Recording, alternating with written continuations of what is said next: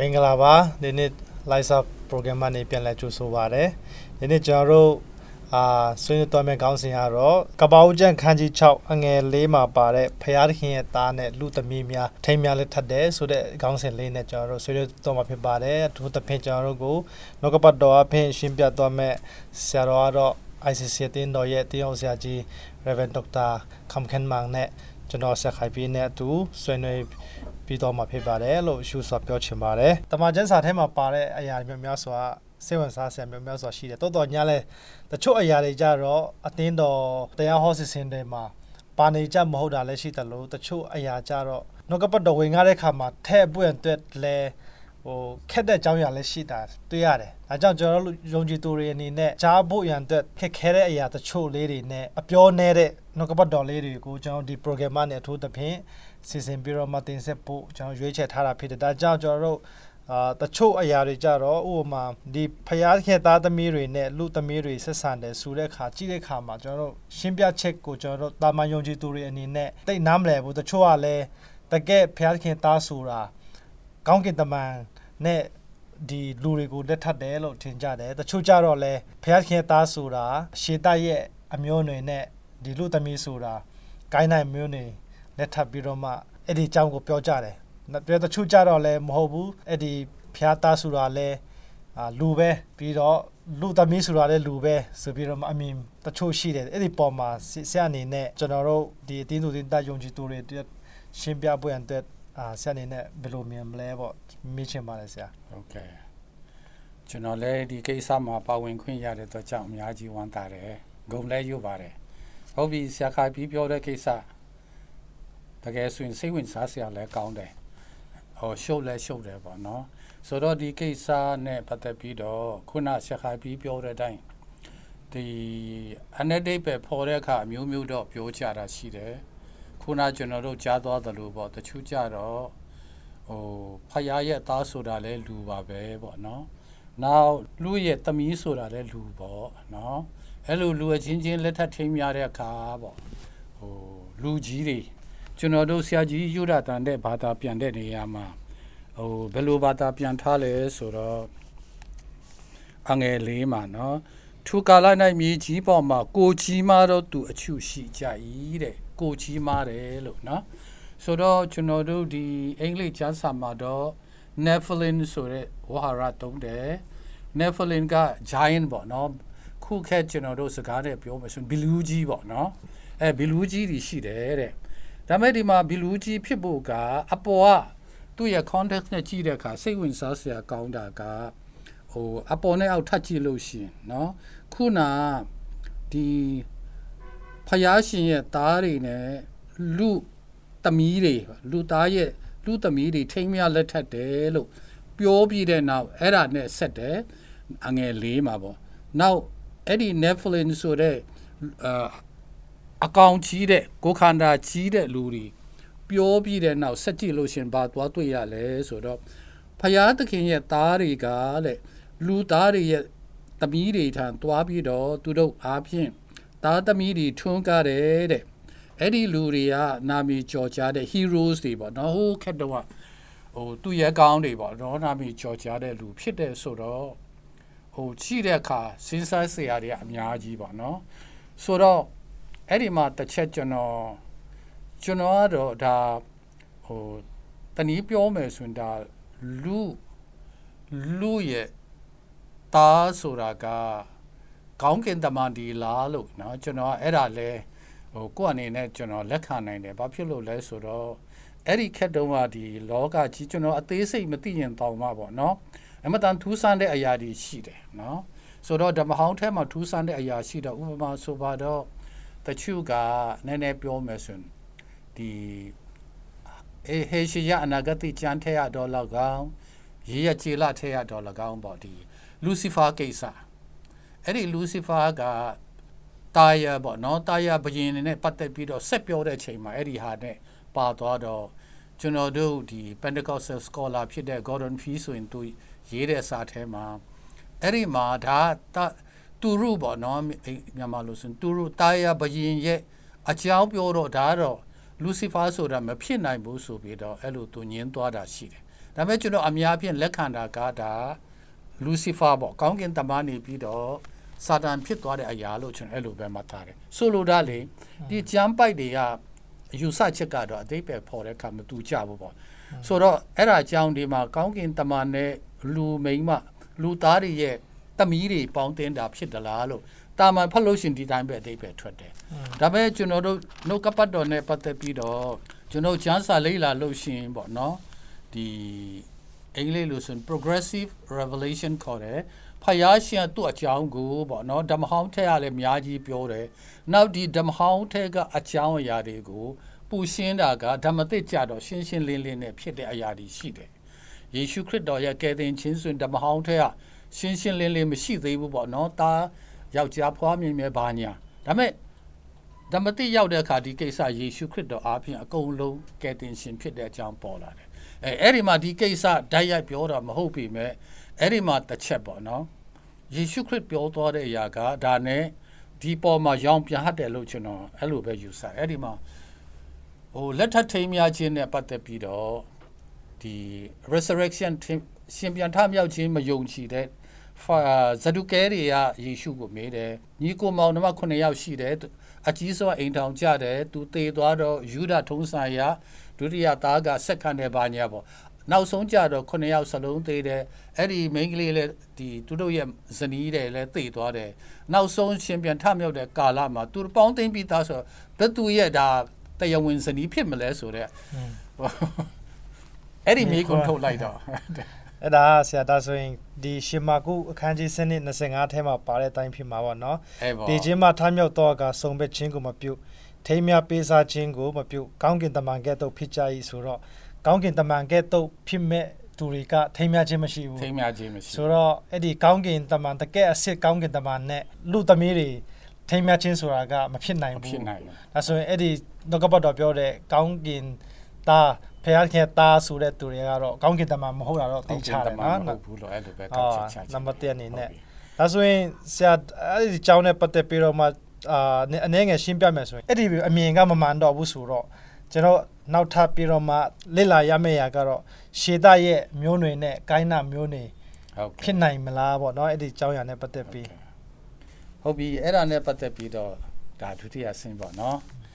စခါပြမေးလိုက်တော့ကျွန်တော်တော့လည်းဖြီးရတာပူကောင်းတယ်ဆိုတော့ဟုတ်ပြီဒီကပ္ပဦးကျန်ခန်းကြီး၄ဖတ်တဲ့အခါပေါ့နော်အဲ့ဒီကျွန်တော်ကျွန်တော်ဆွေးနွေးတာက6အဲ့၄ထဲမှာအာရန်နဲ့အေဝါကအပြစ်ကျူးလွန်ပြီးတဲ့အခါမှာသူတို့က ထိမ်းများတယ်ဆိုတော့အဲ့ဒီမှာသားတွေထွန်းကားတယ်ပထမဆုံးကကိုင်နာပေါ့နော်ဒုတိယကျတော့အာဗီလာကိုင်နာကျတော့သူလှုပ်တာကိုင်တာတွေကဖယားစိတ်တော်နဲ့မတွေ့တဲ့အခါ तू ကမချီမနှက်ဖြစ်တယ်အာဗီလာကြတော့ဖယားအလိုတော့ပူတိတာလားဘာလားပြောလို့တော့မရဒါမဲ့တချို့ကျမ်းစာတွေမှာ तू ကောင်းကောင်းလုပ်တယ်ပေါ့နော်ကာနာကြတော့ကောင်းကောင်းမလုပ်ဘူးဆိုတဲ့ဟောရတော့ရှိတယ်ထားလိုက်ပေါ့ဆိုတော့ဖယားရဲ့မျက်နာသာတွေ့တဲ့ ယ်ဖယားရဲ့မျက်နာตาရတဲ့အာဘီလာကိုသူ့အကူကြီးကတတ်လိုက်တဲ့ခါဆိုတော့တနည်းပြောမယ်ဆိုရင် ဒီစာတမာနကဒီကျွန်တော်တို့ကိုကယ်နှုတ်ဖို့ဘုရားရဲ့ဟိုရွေးနှုတ်ထားတဲ့မျိုးယူကိုသူဖြတ်ပစ်လိုက်တဲ့သဘောလို့เนาะကျွန်တော်အဲ့လိုပဲပြောချင်တယ်ဆိုတော့အဲ့လိုဖြတ်ပစ်လိုက်တယ်ဒါပဲပဲအဲ့ဒီအခန်းကြီးလေးမှာပဲပေါ့နော်ဘာတွေ့ရလဲဆိုတော့အငယ်အခန်းကြီးလေးအငယ်25မှာအာရန်က သူ့ဇနီးတဲ့နဲ့ပြန်ဆက်ဆံတဲ့အခါသားယောက်ျားတစ်ယောက်ထွန်းကားတယ်သူ့ကိုရှေသားလို့ခေါ်တယ်တဲ့ရှေဒခေါ်တဲ့အခါဖယားရှင်ကသူ့အာဘီလကိုစားအဲထပ်ပေးတဲ့သားပေါ့နော်ဆိုတော့ဒီသားကိုရှေသားလို့နော်ဖြစ်လာတယ်ဆိုတော့ဒီရှေသားကြတော့ဖယားအလိုတော်ထဲရဆိုတော့ကျွန်တော်တို့ဒီသူတို့ရဲ့မျိုးယူစင်စစ်ဟိုအနွယ်အကြောင်းကို ဒီကပ္ပဦးကျမ်းထဲမှာချိတဲ့အခါအဲ့ဒီကနေပြီးတော့ခတ်တူတူပြောမယ်ဆိုရင်မေတူရှေလာတို့နော်နောက်ဆုံးကြတော့နိုနော်အေးတို့ဖြစ်လာတော့ဟုတ်ပြီဒီအနွယ်ကရှေတအနွယ်ကဖယားကိုကြောက်ရွံ့တဲ့အနွယ်ဆိုတော့ဒါကဖယားရဲ့သားဆိုတာအဲ့ဒီအနွယ်ဖြစ်နိုင်တဲ့အလားအလာပူပြီးတော့များတယ်လို့ကျွန်တော်အဲ့လိုပဲယူဆတယ်ဒါပေမဲ့ဆရာဒီနေရာမှာအာဒီအမြင်ကြတော့နည်းနည်းမေခွန်းတော့ဆရာရှိတာကဟုတ်ကဲ့အဲ့ဒီရှေဒအနွယ်နဲ့ကိုင်းနာအနွယ်အာ လက်ထပ်ချင်းအဖြစ်ဘာဖြစ်လို့ Nephilim ဖြစ်တဲ့ giant လူအကောင်ကြီးရဲ့ခွန်အားကြီးလူဘာဖြစ်လို့ဖြစ်နိုင်မှာလဲပေါ့နော်ဥပမာဆိုရင်ကျွန်တော်တို့လက်လက်ရှိအာဥပမာဗုဒ္ဓဘာသာတယောက်နဲ့ခရစ်ယာန်တယောက်နဲ့လက်ထပ်ခြင်းအဖြစ်အဲ့လိုပုံစံနဲ့တူမယ်ပြီးတော့သူတို့နှစ်ယောက်လက်ထပ်ခြင်းအဖြစ်ဘာသာမတူတဲ့လူနှစ်ယောက်လက်ထပ်ခြင်းအဖြစ်သူတို့ရရှိတဲ့သားသမီးတွေက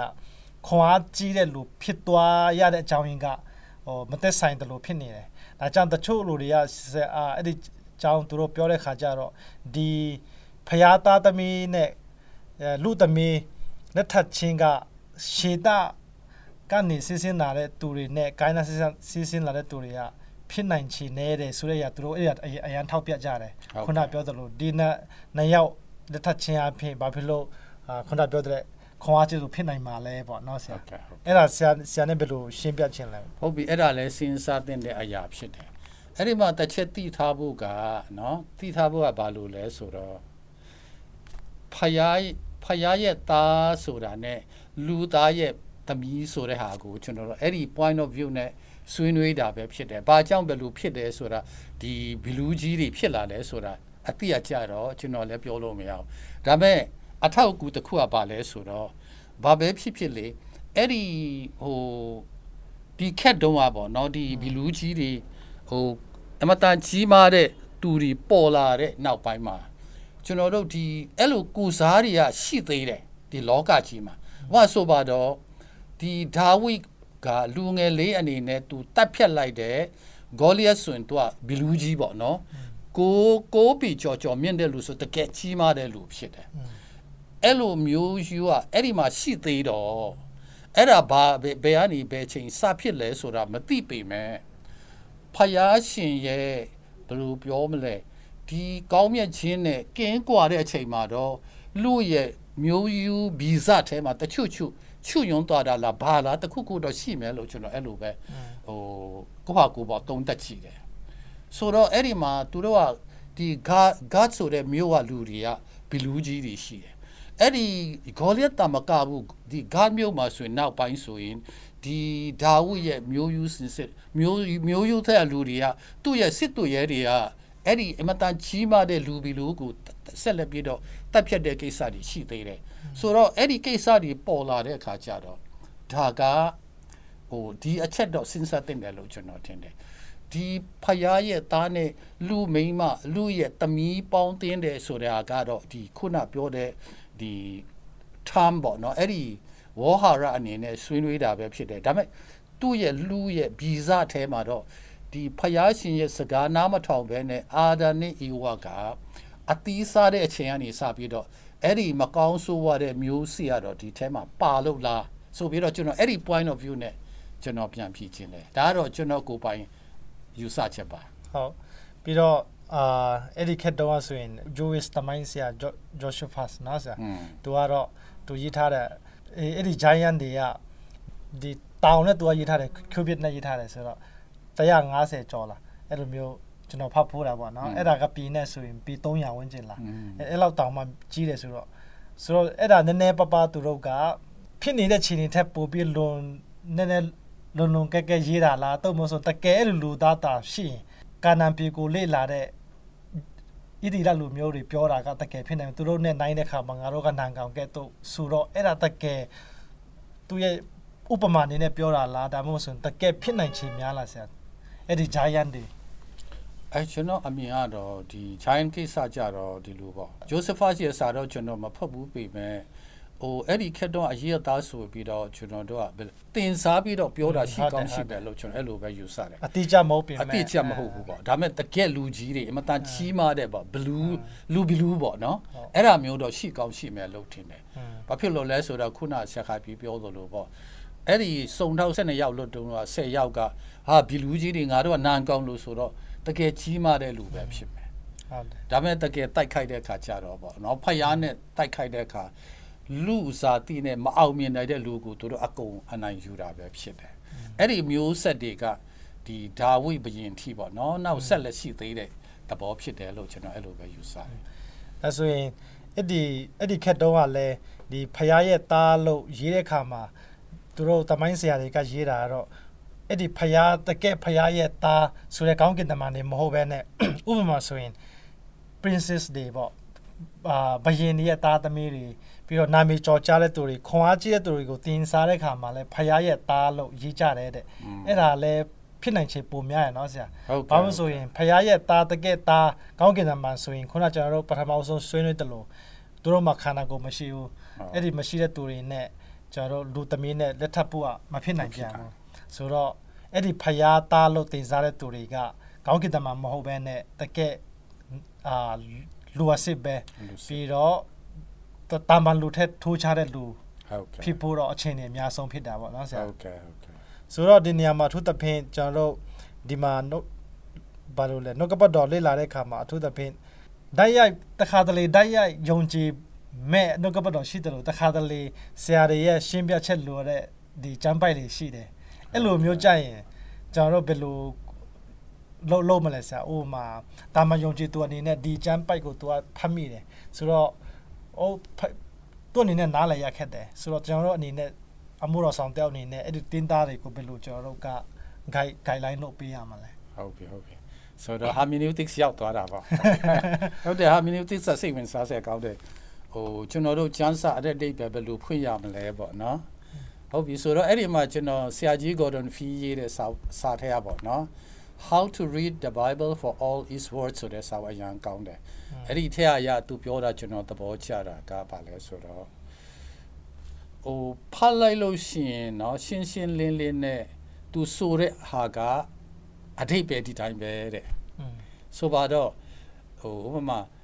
နော်အေးတင်ဘောစောက်လုပ်တယ်ဆိုတာကနော်အေးတင်ဘောစောက်တာမဟုတ်ပဲဟိုဟာဒီဟာရှောက်မပြောပဲနဲ့နော်အေးတင်ဘောစောက်တယ်ဆိုတာလူတိုင်းသိတယ်။အော်နော်အေးတင်ဘောစောက်တယ်။ ဒါဘာမှရှင်းပြเสียမလို့ပဲနဲ့တခါတည်းနဲ့ရှင်းသွားတာဖြစ်တယ်တဲ့။နော်ဒါပထမနောက်တစ်ချို့ကြတော့အဲ့လိုရှင်းလို့မရတာရှိရှိတယ်။ဥပမာဆိုပါတော့ယေရှုခရစ်တော်ကမင်းအပြစ်မလုပ်နဲ့ပေါ့နော်။ဒီလက်နှစ်ဖက်စလုံးနဲ့အပြစ်လုပ်ပြီးတော့ငရဲကြတာထက်ဖြတ်လိုက်ပါတဲ့လက်တစ်ဖက်ပြတ်ပြီးတော့ကောင်းကင်ရောက်တာပိုကောင်းတယ်ပေါ့နော်ငရဲပြီမရောက်ဘဲနဲ့ဟိုမျက်စိတစ်လုံးအာမျက်စိမျက်လုံးအဖြစ်အမားအဲအပြစ်လုပ်မိစဉ် ထုတ်ပြလိုက်ဆိုတာမျိုးပေါ့နော်ဒါကြတော့ကျွန်တော်တို့စဉ်းစားရတော့မယ်ပေါ့အပြစ်ဆိုတာကကိုယ်လက်နဲ့လှုပ်လှုပ်ဒါလက်ကြီးနှစ်ဖက်မရှိရင်တောင်မှကိုယ့်ရဲ့စိတ်ထဲကအပြစ်တွေအများကြီးလှုပ်တတ်တယ်ပေါ့နော်ဟုတ်ဝစီကံမနောကံပေါ့နော်အများကြီးဒီကံအမျိုးမျိုးပြောသလိုပေါ့ဒါကြောင့်ဆိုလိုတာကအဲ့လိုဒီအနက်ဒိတ်ပဲဖွင့်တာကိုဟိုအထိတ်ပဲမရှိဘူးဆိုရင်သူဆိုလိုတာပါလဲပေါ့နော်အဲ့ဒါ general guideline ပေါ့နောက်တစ်ချက်ကအမတန်အရေးကြီးတာကကျွန်တော်ကတော့ဟိုအဲ့ဒါတော့လူတိုင်းကတော့လဲကျွန်တော်ပြောချင်တယ်နော်အာတကယ်ကြတော့စနစ်တကျလေ့လာမယ်ဆိုသူ့ရဲ့မူရင်း Greek မှာဘယ်လိုပြောလဲ Hebrew မှာဘယ်လိုပြောလဲအဲ့ဒါတွေလေသေချာလေ့လာမယ်ဥပမာ Hebrew နဲ့ Greek ဟိုနားမလဲတဲ့လူတွေအနေနဲ့မြန်မာကျမ်းစာခုဂျေဇုတော်ပဲဆရာကြီးယူရတန်ဘာသာပြန်တာရှိတယ်အခုစံမီဆိုတာလည်းရှိတယ်เนาะ နိုင်ငံခြားပညာရှင်တွေကဘာသာပြန်ပေးတယ်လို့ကျွန်တော်အဲ့လိုပဲအကြံပြင်းသိတယ်သိကြလည်းမသိဘူးနောက်တချို့ကျမ်းစာတွေရှိတယ်ဒီ Bible Society ကဆရာခွေလမ်းနဲ့ကျွန်တော်တခါမေးဘူးတော့တချို့ရှိတယ်တဲ့အဲကျွန်တော်ကတော့မပွဲဖြစ်သေးဘူးပေါ့နော်အဲ့လိုကျမ်းစာတောင်းမှတိတ်မရှင်းဘူးဆိုရင်ပူရှင်းတဲ့ဟာကြီးရှိတယ်ရှင်းသွားအောင်ရေးနိုင်တာပေါ့ဒါကတကယ်ကြတော့ဘာသာပြန်တဲ့နော်ဟိုဘယ်လို translation တဘောမဟုတ်လို့နော် ပူကောင်းတဲ့ translation ဆိုပူရှင်းတာတွေရှိတတ်တယ်ဒါပေမဲ့တော်တော်အရေးကြီးတယ်လို့ကျွန်တော်ယူဆတဲ့အရာကကျမ်းပိုက်ဒီတဏှာကိုမဟိုမရှင်းဘူးဆိုရင်ဥပမာခုနကျွန်တော်ဆွေးနွေးတာ Genesis chapter 6ပေါ့နော်ကပ္ပဦးကျမ်းခန်းကြီး6ဆိုတော့ဒီအပိုက်လေးမရှင်းဘူးဆိုရင်ငါးလောက်ကနေစကြည့်လိုက်နော်ကပ္ပဦးကျမ်းငါးနေကြည့်6တစ်ခုလုံးကြည့်လို့ရှိရင်ပို့ပြီးတော့ရှင်းတာတွေရှိတယ်နော်အဲ့ဒါဥပမာသဘောပြောမယ်ဆိုရင်ကျွန်တော်တို့ ကျွန်တော်တို့ကပင်တကုတ်တဲ့ခရိယန်တွေဆိုတော့လေကျုပ်ဒီတခြားခရိယန်ညီကိုတွေနဲ့မတူတဲ့အချက်တွေရှိတယ်အထူးသဖြင့်ပေါ့နော်ဒီ online တွေမှာလည်းဒီကိစ္စဝေဖန်တာကျွန်တော်ကြားဘူးတယ်သူတို့ဘာပြောလဲဆိုရင်တစ်ကောခန်းကြီး14မှာတဲ့နော်အဲ့ဒီမှာ other tongues အခြားသောဘာသာစကားနဲ့ပြောတဲ့လူကလူကိုမပြောဘူးဖယားကိုပြောတာတဲ့နော်ဆိုတော့သူတို့ဘာကိုထပ်ထည့်ပြီးတော့ပြောလိုက်လဲဆိုတော့ အဲ့ဒီမှာတဲ့သူ့မူရင်း Greek မှာတဲ့ article da ဆိုတာဟို Greek လို့ဆိုရင် hold ပေါ့နော်သူတို့အသက်ရှင်တော့ဖယားဆိုရင် hold theos လို့သုံးတယ်တဲ့ဒါပေမဲ့အခုပြောတဲ့ဒီတစ်ကောခန်းကြီးဆက်လေးထဲကဖယားကအဲ့ဒီ article da ခေါ်တဲ့ o hold မပါဘူးတဲ့အဲ့ဒါကြောင့် article မပါဘူးဆိုရင်အဲ့ဒီဟာကအသက်ရှင်တော့ဖျားမဟုတ်ပဲနဲ့ဖျားမမဟုတ်ဘူးပေါ့နော်ယူယူဖျားခေါ်လိုက်ရ သက်ရှင်တော့ဖျားမဟုတ်ဘူးလို့အဲ့လိုထောက်ပြတဲ့အခါကျွန်တော်တို့ပို့ပြီးတော့မလေးလာတဲ့လူဟာဘယ်လိုလဲနားယောင်သွားတယ်ဒါပေမဲ့အဲ့ဒါမသိရင်တော့မှလေအခန်းကြီးဆက်လေးတစ်ခုလုံးဖတ်လို့ရှင်အဲ့ဒီမှာအဖြီပေါ်သွားတယ်အဲ့ဒီမှာဘယ်လိုပြောလဲဘယ်ဖျားပြောပြောရှင်ပေါ်လို့ငါကိုယ်တိုင်ပြောတယ်ဆိုတော့အေးရှင်ပေါ်လို့ပြောတယ်ဆိုတော့ဒါတစ်ချက်လွတ်နဲ့ဒါနတ်ဆူပြောတဲ့စကားပြောလို့မရတော့ဘူး ရှင်ပေါ်လို့ကိုယ်တိုင်ငါလည်းပြောပါတယ်နော်ဒါပေမဲ့ to focus လုပ်တာကဒီတခြားတော့ဘာသာစကားပြောလိုက်လို့လူများနားမလဲဘဲနေတာထက်လူဒီနားလဲတဲ့ဘာသာစကားနဲ့ပြောတာပို့ပြီးတော့ထိရောက်တယ်ပေါ့ပို့အကျူရှိတယ်ဆိုတဲ့ဟာကိုဆွေးနွေးတဲ့အခါအဲ့ဒီဟာပြောတာပဲဖြစ်တယ်မပြောနဲ့လို့လည်းမပြောဘူးဒါပေမဲ့ဘယ်လိုသုံးရမယ်ဆိုတာပြောတယ်နောက်ပိုင်းကျတော့အသက်ရှင်တဲ့ဖရားပဲဖြစ်တယ်ဆိုတာရှင်းသွားတယ်ဒါကြောင့်ဆိုလိုတာလေကျမ်းစာ ဖတ်တဲ့အခါနားလည်ဖို့ကဟုတ်တယ်တချို့ကဒီမှာပြောတဲ့အတိုင်းဟိုအတိတ်ပဲပေါ်တယ်တချို့ကြတော့ရှုပ်တယ်ဆိုရင်ခက်တာရှိတယ်ကျွန်တော်ခုဒီကျမ်းစာဖတ်တဲ့အခါဒါဘယ်လိုလဲဆိုရင်ဟိုဒီ commentary တွေပါဒီကျွန်တော်ကြည့်တဲ့အချိန်ရှိတယ်ဒါပေမဲ့အကျမ်းဖြင်းဆိုရင်ဒီဒီတိုင်းဖတ်လို့ရှင်ဒီတိုင်းသဘောပေါက်တာတွေရှိတယ်အဲ့ဒါဒီတိုင်းပဲလို့ကျွန်တော်ခံရတယ်ဒါပေမဲ့တချို့ကြတော့အယူအဆလွဲနိုင်လို့ရှင်ပေါ့နော်အဲ့ဒီ chapter တစ်ခုလုံးဖတ်လို့ရှင်ပို့ပြီးတော့ရှင်းတာတယ်လို့ဟုတ် ဆိုတော့ဒီကျွန်တော်တို့ဆွေးနွေးနှုတ်ကပတ်တော်ကိုပြန်သွားမယ်ဆိုရင်အဲ့မှာလဲကျွန်တော်တို့ခုန6အခန်းကြီး6အငယ်4ထဲထိမသွားပဲနဲ့ဆက်ဖတ်တဲ့အခါမှာနောဤအကြောင်းကိုပါလာတယ်6ရှင်းမှာနောဤမူကထာဝရဘုရားစိတ်တော်နဲ့တွေ့တော်သူဖြစ်၏တဲ့အဲ့ဒီအပေါ်မှာဘာရှိလဲဆိုတော့အဲ့ဒီခုနပြောတဲ့ဖျားခင်ကနောင်တရတယ်ဘာလို့ဆိုတော့သူဖန်ဆင်းထားတဲ့လူတွေကသူတို့ကြိုက်တယ်လို့နေတယ်ဆိုတော့အဲ့ဒီဖျားရဲ့သားသမီးတွေနဲ့လူသမီးတွေပေါင်းတင်တဲ့ခါမှာအဲ့ဒီ ပေါင်းတင်တဲ့ဆိုတဲ့ခါမှာသူတို့စိတ်တိုင်းကြနေကြတယ်ဆိုတော့တချို့အာစာရေးဆရာတွေ comment data တွေကတော့ဒီလင်းနဲ့မရပိုင်းမှာသက်စာမရှိပဲကြိုက်တယ်လို့စုံဖက်ချတယ်လို့ရေးကြတယ်အဲ့ဒါကိုဘုရားခင်အရန်မုံတီးတော့ဒါပေမဲ့အဲ့ဒီချိန်မှာလူကောင်းတယောက်ဘုရားခင်စိတ်တော်တွေ့တဲ့သူတယောက်ရှိတယ်ဆိုတော့ခုနကျွန်တော်ပြန်သွားမဲ့ message ပြန်သွားမဲ့ဆိုရင်အဲ့ဒီ Nephilim တွေအကြောင်းကတစ်ဖက်မှာသူတို့ရဲ့ခွန်အားကြီးမှုကိုသူတို့ကအလွဲသုံးစားပြီးတော့မှ ဘုရားရဲ့လူတော်နဲ့အသက်မရှင်ချင်းလဲဖြစ်ကောင်းဖြစ်နိုင်တယ်เนาะဆရာဘာလို့လဲဆိုတော့ဒီမှာနောကြီးကြတော့သူကဖះရဲ့စိတ်တော်နဲ့တွေ့တယ်တဲ့ဒါကြောင့်ကျွန်တော်ဒီနှုတ်ကပတ်တော်အဖြစ်ပြန်တခါတလေကြာရင်ကျွန်တော်တို့တိဆောက်စရာမရှိတယ်လို့လို့ဖြစ်တော်ညာလဲကျွန်တော်တို့ကဖះသခင်ပေးထားတဲ့ခွန်အားကိုသူ့ရဲ့အလိုတော်တိုင်းသက်ရှင်ဖို့အသုံးပြုဖို့ဒီဒီနှုတ်ကပတ်တော်က message ပေးတယ်လို့ခံစားတယ်ဟုတ်ကဲ့ဟုတ်ကဲ့ပြီးတော့ဒီမှာ နောရဲ့အကြောင်းကိုဒီကိုးကနေတခါတည်းပါပြီးတော့မှဖះသခင်နောင်တရအကြောင်းဆိုတော့ sol sol dom နဲ့ gomara လို့နဲ့အဲ့ဒါနဲ့အာနိုင်ရှင်လို့ရမလားမသိဘူးခုနဒီ Netflix တွေကဖျားသားသမီးတွေကဖျားသားတွေကလူသမီးတွေနဲ့ပေါင်းသိဆက်ဆံပြီးတော့မှဖျားတခင်စိတ်ဆိုးတဲ့အကြောင်းဒါဖြစ်နိုင်ချီရှိတယ်ဒါပေမဲ့ကျွန်တော်ကအဲ့ဒီ argument အနေနဲ့ပေါ့နော်ဆိုရင် သိပြီးတော့ဆွဲဆန့်လုံးသလားလို့ထင်တယ်ဖြစ်တော့ဖြစ်နိုင်ချီရှိတယ်ဒါပေမဲ့ဒါတရားမှတရားဖြစ်မယ်ဆိုတာတော့ကျွန်တော်အဲ doubtful ပေါ့เนาะကျွန်တော်သိပြီးတော့ဟိုစဉ်းစားစရာလို့ဒါပေမဲ့စဉ်းစားရမယ့်အချက်ဖြစ်တယ်လို့ကျွန်တော်လက်ခံတယ်ဆိုတော့ဒီနေ့ကျွန်တော်ဆွေးနွေးတဲ့နှုတ်ကပတ်တော်တော့အတူချုံးမဲ့ဆိုရင်အဲ့ဒီဖယားသားဆိုတာကောင်းကင်တမန်မဟုတ်ဘူးဆိုတာကျွန်တော်ကအာ နှုတ်ကပတ်တော်ဖြင့်ကောက်ချက်ချနိုင်တယ်ပြီးတော့အဲ့ဒီဖယားသားသမီးဆိုတာဒီကဖယားသားဆိုတာတွေကလူပဲကောင်းကင်တမန်မဟုတ်ဘဲနဲ့အာခုနပြောတဲ့လူလူချင်းတမို့ဆိုအဲ့ဒီလူလူချင်းထဲမှာကြော်စောတဲ့လူတွေခွန်အားကြီးတဲ့သူတွေဖြစ်တယ်ဟုတ်ကဲ့အဲ့လိုပြောကျွန်တော်ကောက်ထချနိုင်ပါအောင်နော်ဆရာအနေနဲ့အဆုံးသတ်အနေနဲ့အာပြောချင်တာပဲဖြစ်ဖြစ်